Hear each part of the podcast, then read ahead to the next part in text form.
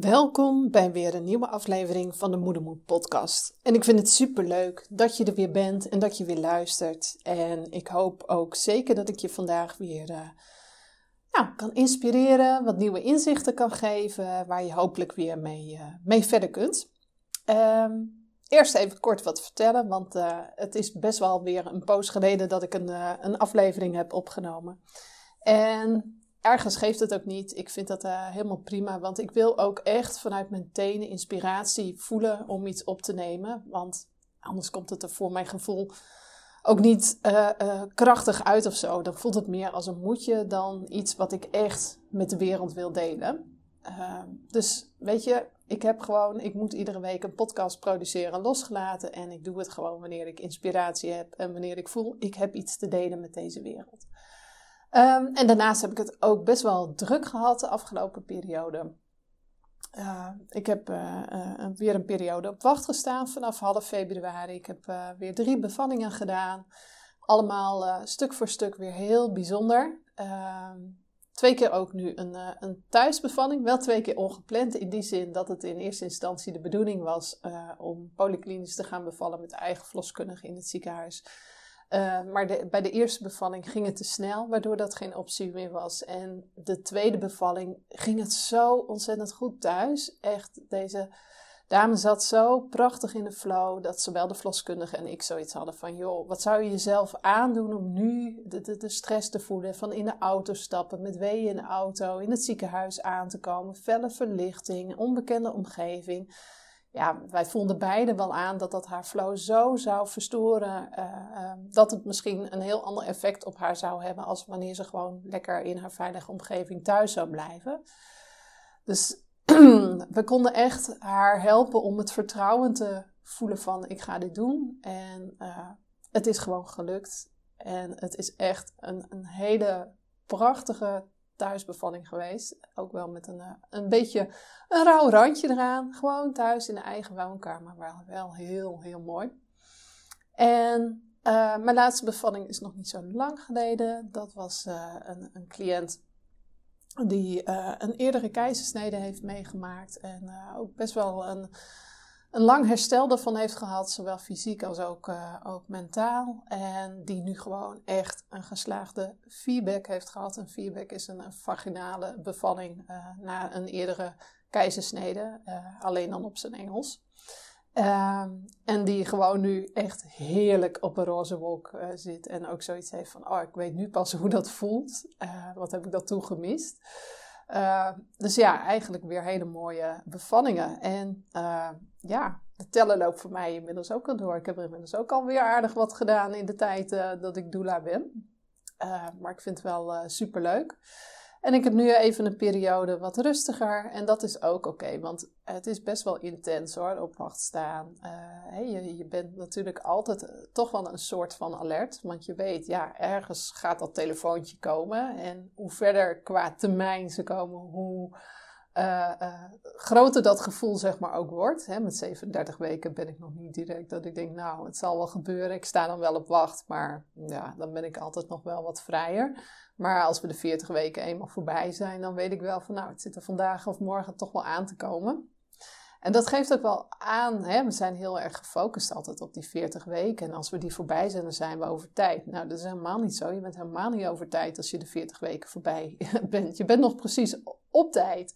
Want alle baby's die worden geboren tussen 37 weken en 42 weken, dat is een variatie op normaal. Uh, dus uh, pas als je de 42 weken voorbij bent, dan zouden we uh, pas echt kunnen spreken van over tijd. Maar dat is ook wel weer dat ik zeg van, hmm, nou, niet helemaal reëel.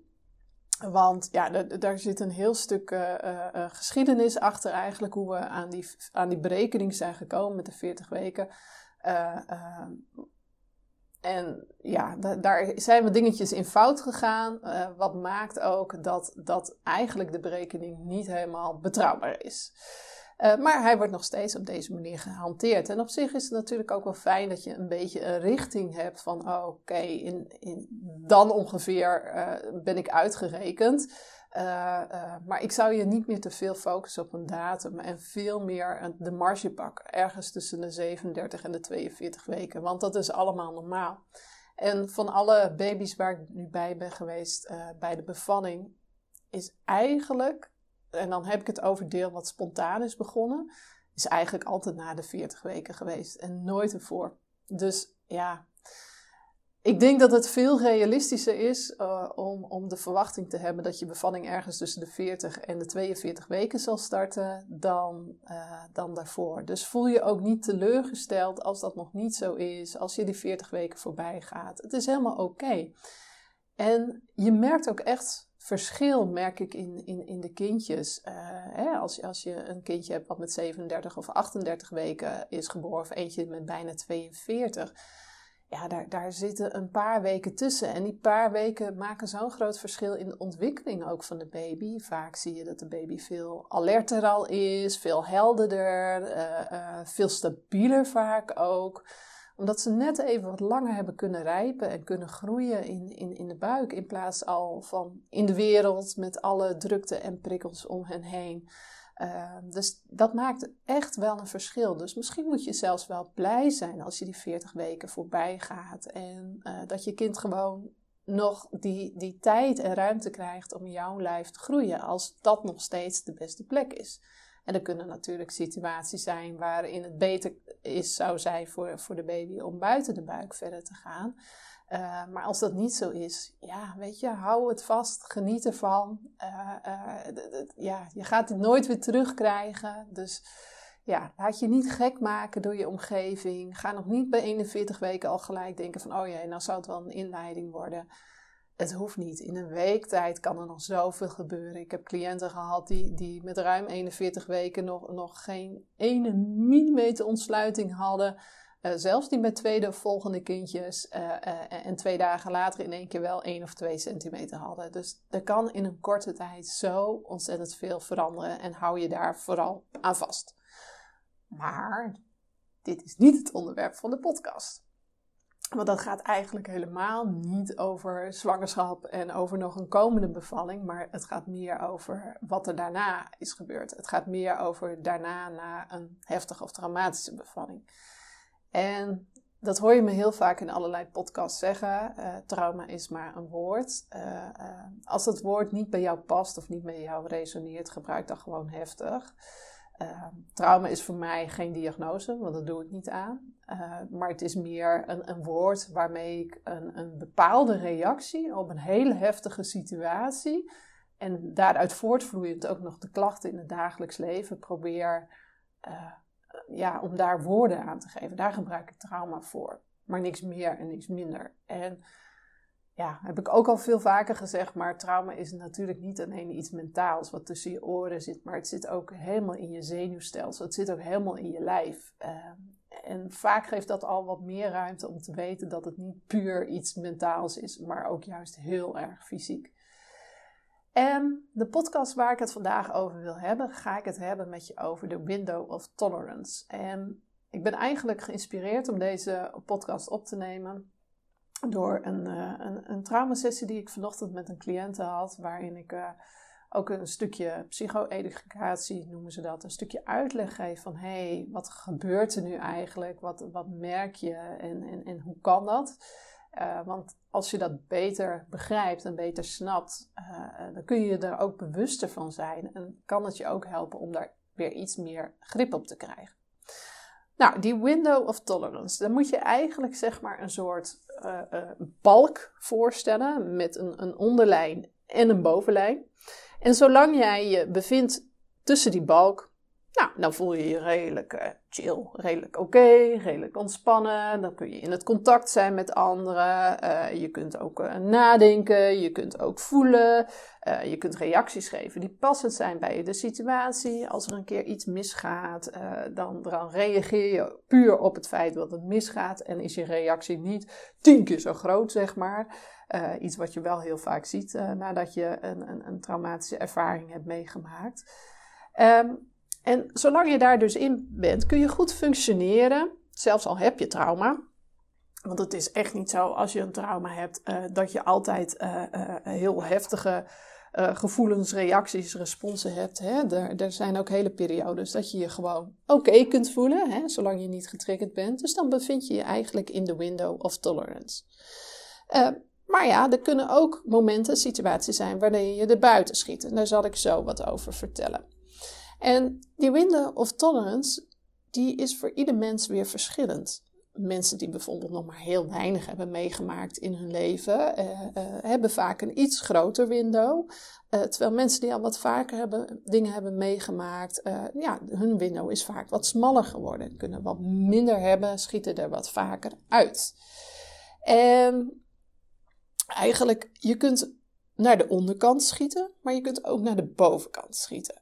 En als je naar de onderkant schiet, noemen we dat een hypoarousal. Dus dan ben je eigenlijk ondergestimuleerd. Daar ga ik zo wat meer over uitleggen. En de hyperarousal is als je er bovenuit schiet. En dan ben je eigenlijk overgestimuleerd. En wat je eigenlijk ziet als je iets heel heftigs hebt meegemaakt, uh, uh, dat het een, echt een ervaring was. Hè? En in dit geval, dat is mijn werk, uh, hebben we het dan vaak over de bevalling of aan uh, gebeurtenissen die daaraan gelinkt zijn. Een zwangerschap, een, een heftig vruchtbaarheidstraject, een, een, een, een miskraam, een heftige borstvoedingsperiode, een heftige kraamperiode, opname van je kindje op de NICU. Weet je, er zijn zoveel situaties te bedenken die als heel heftig en heel overweldigend ervaren kunnen worden. En vaak komen ze ook voor in combinatie met een heftige bevalling. Het is bijna nooit alleen die heftige bevalling. Maar goed, die situatie was heftig, die was overweldigend. Er is een deel van jouw brein en zenuwstelsel geweest die dacht van deze, deze situatie waarin ik me nu bevind is potentieel gevaarlijk. Ik moet iets doen om deze situatie te overleven. En vaak zie je dat er dan de zogenaamde vecht-vlucht-vries-reactie uit, uh, uit voortkomt. Hè? Eh, de neiging om te willen vechten, verbaal uh, agressief worden, vloeken, tieren, van je afslaan, trappen, bijten, knijpen, noem maar op. je hebt de zogenaamde vluchtreactie, echt de neiging hebben om, om, om je infuusbewijs van spreken eruit te trekken en om uit het raam te springen ook dingen roepen als jongens, eh, doe het maar zonder mij. Uh, ik ga naar huis, ik ga dit niet meer doen, ik kan dit niet meer. En je hebt de zogenaamde freeze-reactie. En die ontstaat vaak als jouw brein en jouw zenuwstelsel hebben vastgesteld van vechten en vluchten zijn geen optie meer, want dit kan ik niet winnen. Dus ik kan me beste maar zo, zo slap. En de freeze is eigenlijk, als je kijkt bij wilde dieren, zo dood mogelijk houden. En maar volledig meewerken met alles en nergens meer tegen ingaan als ik het vertaal naar mensen. Uh, omdat mijn kans om deze situatie te overleven dan zo groot mogelijk is.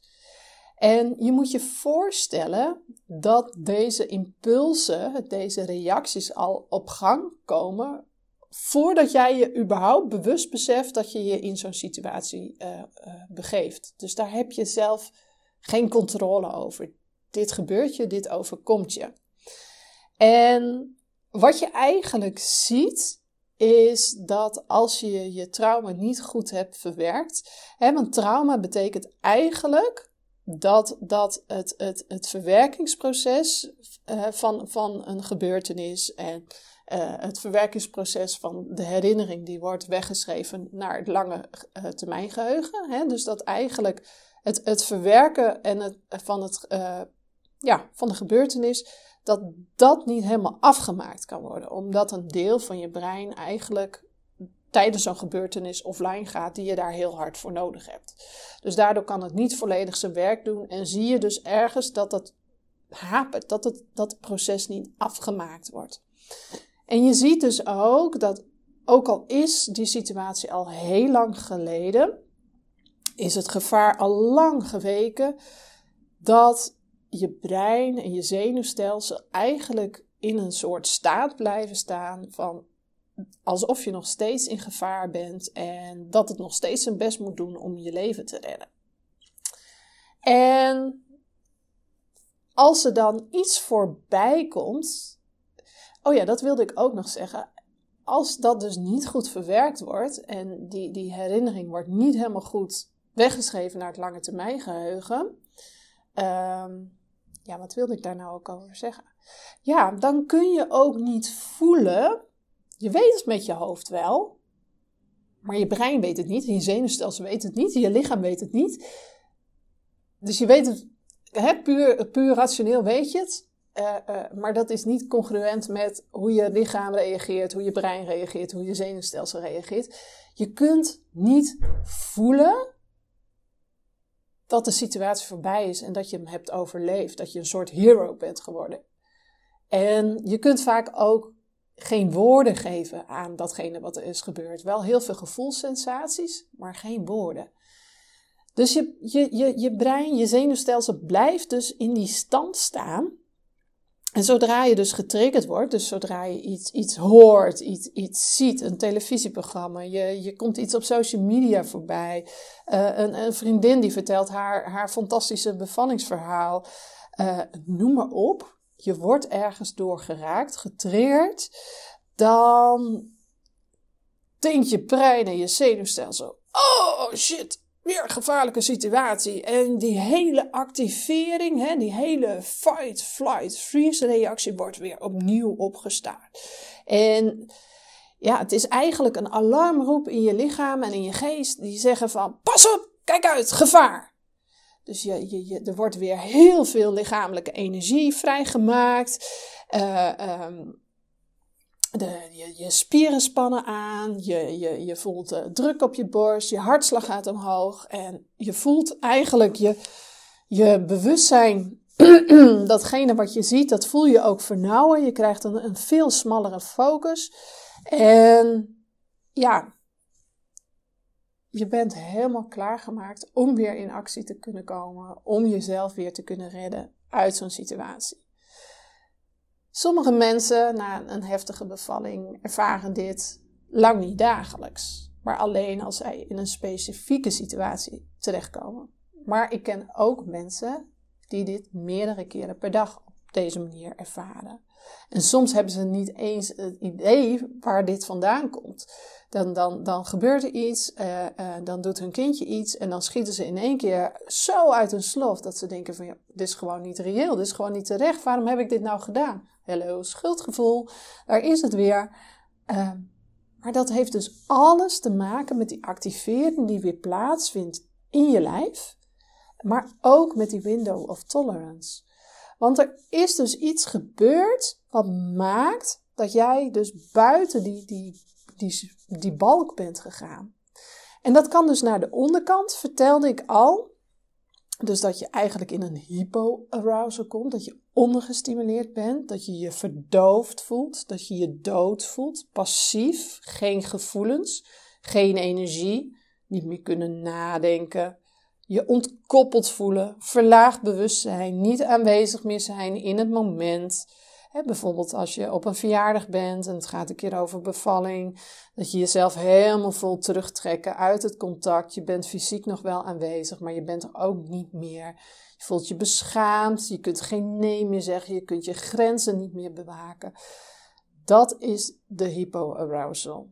En eruit schieten aan de bovenkant is dus de hyperarousal. Emotioneel overweldigd raken, in paniek, impulsief dingen doen, overmatig waakzaam zijn, defensief, onveilig gevoel, reactief, boos, malende gedachten, uit je slof schieten, kort lontje, dat hoort daarbij. En heel vaak zijn je zijn we ons daar te weinig van bewust van wat gebeurde er nu eigenlijk? Voelt het alsof het ja, er zo ineens was, terwijl dat eigenlijk niet is uh, uh, geweest. dus het is heel interessant om voor jezelf eens te gaan kijken van als er zoiets is gebeurd, hey, ben ik mijn window of tolerance uitgeschoten? En ben ik dan meer naar de bovenkant geschoten of ben ik meer naar de onderkant geschoten? En vaak heeft dat ook wel raakvlak met wat je tijdens je bevalling hebt gedaan. En als je meerdere heftige dingen hebt meegemaakt, welke strategie je toen hebt gekozen om de situatie te overleven.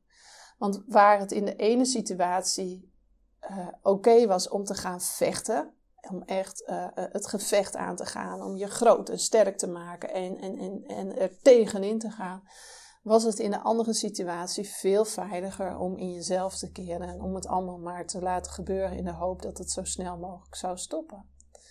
En vaak zie ik ook, uh, uh, nou, ik zie, meestal zie ik dat mensen twee kanten uitschieten, zowel naar boven toe als naar onder toe. Maar als je tijdens je bevalling heel erg naar onder toe bent geschoten, zie ik dat ook vaak bij mijn cliënten in hun dagelijks leven vaker gebeuren dan dat ze naar boven schieten en overgestimuleerd zijn. Dus dat zij ook die freeze momenten eigenlijk in hun dagelijks leven vaak vaker zullen voelen dan uh, uh, die momenten dat ze er uitgeschoten zijn. En het, het is dus heel belangrijk. En als je gewoon zoekt op, uh, op Google op de Window of Tolerance, kun je er tig plaatjes van, van vinden. Dus uh, doe dat gerust eens. Zoek eens zo'n plaatje op. Print het desnoods uit. Uh, plak het ergens op. Of stop het in je agenda. Maakt me niet uit. en kijk daar regelmatig eens naar. Als, op het moment dat je dus of voelt van hé, hey, ik ben helemaal in mezelf gekeerd geraakt. Of juist eruit en, en, en heel nou, heel emotioneel geweest, boos, verdrietig, eh, nou, noem het maar. Uh, zodat je dat zelf ook meer gaat herkennen.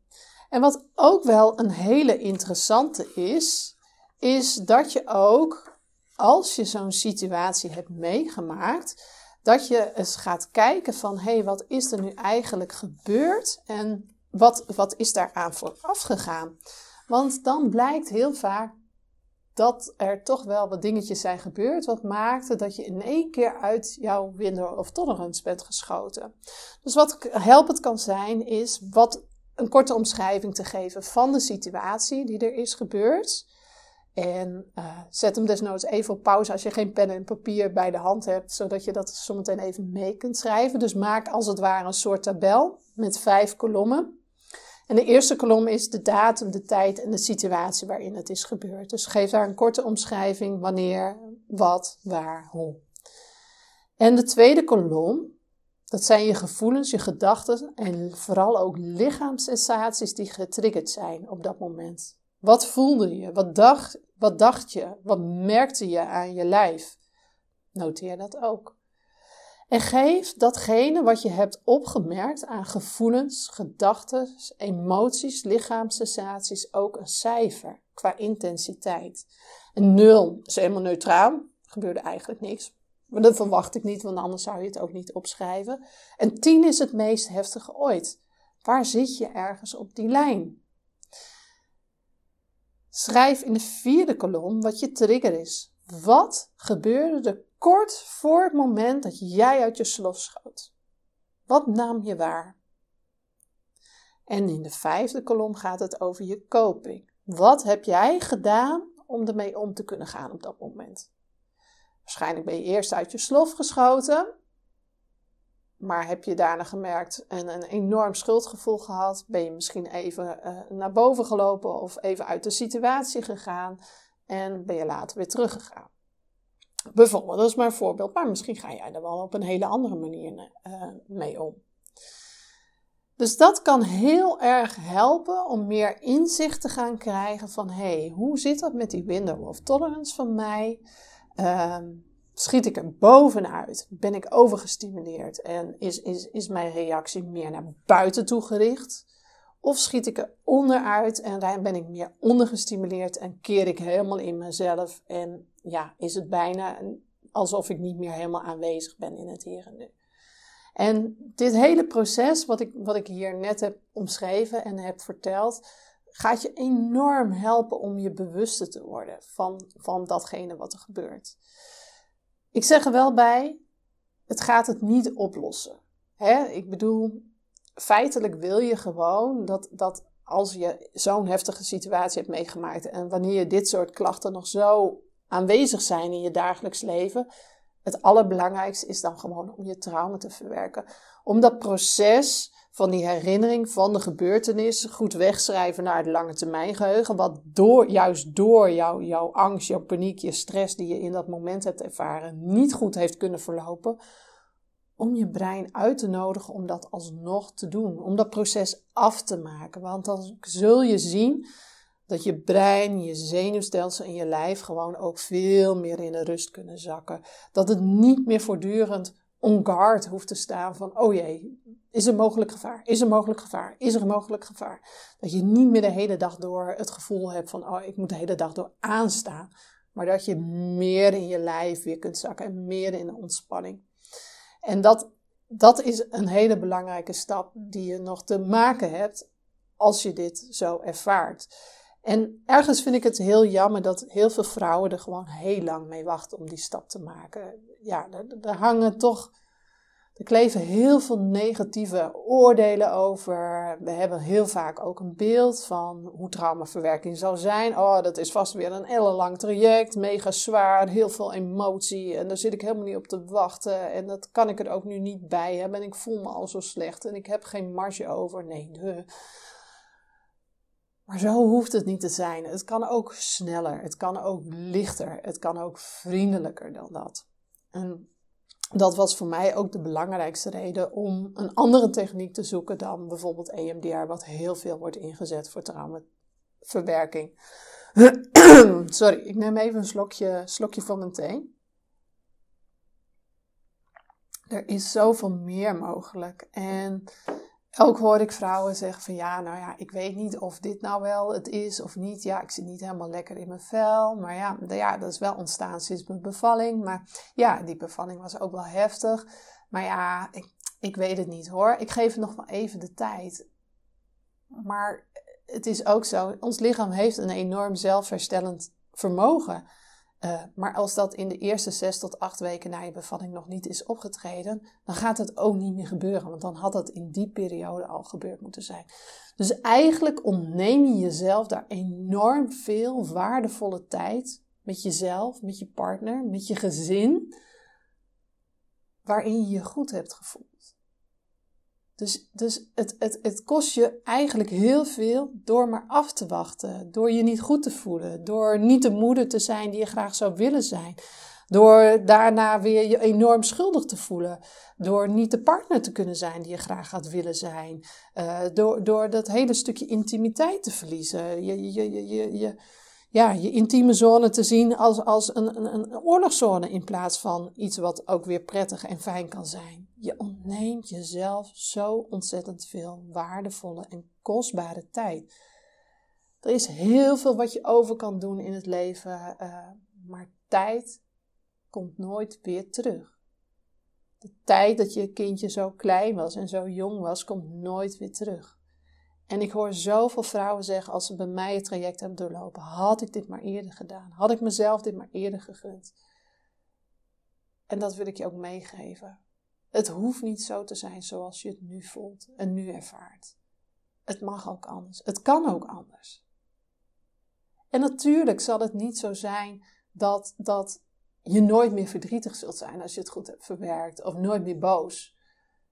Maar het gaat wel naar een niveau wat valt binnen normale range. En niet meer dat je daar dagelijks mee rond moet lopen. Ik bedoel, de eerste keer heb ik het trauma aan overgehouden, de tweede keer niet. Maar was voor mij absoluut heel ingrijpend, want er is heel, heel veel gebeurd in een hele korte tijd. En ik verloor natuurlijk ook mijn baarmoeder en mijn aanwezige kinderwens. En ik ben 4,5 jaar verder. Uh, en zo nu en dan, één keer in een paar maanden, heb ik een enorme huilbaar. Meestal in mijn eentje, want dat vind ik het fijnst. Maar ik laat hem wel toe. Maar dat betekent niet dat ik het niet goed heb verwerkt. Het is ook een soort rouwproces wat ermee samenhangt. Hè? Het verwerken, het een plek geven, het, het, het, het, leren accepteren dat er bij mij nooit meer een babytje gaat komen. Dat kost tijd. En als ik drie keer in het jaar daar een keer een enorme huilbui over heb, is dat oké. Maar het belemmert mijn werk niet. Ik kan heel vrij werken met al mijn cliënten. Ik kan bij bevallingen aanwezig zijn zonder dat het iets in mij raakt. Hè? En die huilbuien zijn ook zeker niet gekoppeld aan mijn werk. Of komen ook niet direct nadat ik bij een bevalling ben geweest. Soms heel, helemaal niet te plaatsen waarom dat in één keer omhoog komt. Maar dat is normaal. Ook als jij je trauma zou verwerken van je bevalling, zul je zo net, nog steeds nu en dan nog wel eens een keer boos erover zijn of verdrietig over zijn. Maar als dat zo nu en dan is, is dat oké en valt dat in een normale range. En zul je merken dat dat met de tijd steeds minder wordt. Dat wel. Maar trauma wordt niet minder als je er meer tijd over laat gaan. Omdat het gewoon gaat over activering van je, van je zenuwstelsel, van je lichaam, van je brein. En dat wordt niet vanzelf minder. Dat kan alleen uitdoven als je datgene wat eronder zit, wat maakt dat je nog zo snel geactiveerd wordt, wat maakt dat je brein en je zenuwstelsel zo gericht zijn op gevaar, dat je dat tot rust brengt. En daarvoor moet je een laag dieper gaan. Nou, ik hoop dat ik in deze podcast weer wat uh, fijne inzichten met je heb gedeeld. Uh, of in ieder geval dat het ook tot inzichten bij jou heeft geleid. Dat je iets kunt met de oefening die ik heb gedeeld. Uh, om jezelf meer bewust te gaan worden van hé, hey, wat gebeurt er nu eigenlijk? En als je denkt na het luisteren van deze podcast van hmm, volgens mij moet ik toch maar eens met Anke gaan praten. Uh, want ik herken wel heel veel. En uh, ja, ik hou mezelf eigenlijk voor van, nou, wacht nog maar even af. En de tijd uh, zal het wel minder maken. Maar eigenlijk gebeurt het helemaal niet. Laat het me dan even weten. Stuur me een berichtje via contact.ankevelstra.nl of bijvoorbeeld via social media. En nou, wie weet kunnen we samen een, een vrijblijvend kennismakingsgesprek inplannen om eens te kijken van wat is nou jouw situatie? Wat heb jij meegemaakt? Wat merk je daar nu in het dagelijks leven van? Ik kan juist in dat gesprek zo'n goede inschatting maken van, ja, ben jij wel mijn ideale cliënt om het zo maar te zeggen? Denk ik echt dat ik wat voor je kan betekenen of niet? Uh, daarvoor zijn die gesprekken eigenlijk bedoeld. En als ik denk van, joh, uh, dit valt sowieso in het normale stuk. Ik kan hier niet heel veel meer aan toevoegen dan zal ik dat ook, uh, ook niet doen. Dat zal ik je dan ook niet aanbieden. Want ik wil ook zelf echt het gevoel hebben van, ja, ja, dit kan ik beter voor jou maken. Hier, hier kunnen we wat mee. Hier, ja, ik voel aan alles dan, ja, hier is verbetering mogelijk. Jij kunt je echt nog zoveel beter voelen dan dit. Ik denk dat ik je daar heel goed bij zou kunnen helpen. Ik kan natuurlijk nooit 100% garantie geven. Uh, maar vaak voel ik dat dan wel heel diep van binnen. En alleen dan zal ik je ook een aanbod doen uh, om daar verder mee te werken. Nou, dankjewel weer voor het luisteren. Fijn uh, als je helemaal weer tot het einde hebt geluisterd. en heel graag weer tot een volgende podcast. Al weet ik nu nog niet wanneer die zal zijn, maar die zal zeker weer komen. Hey, tot de volgende keer. Doei doei!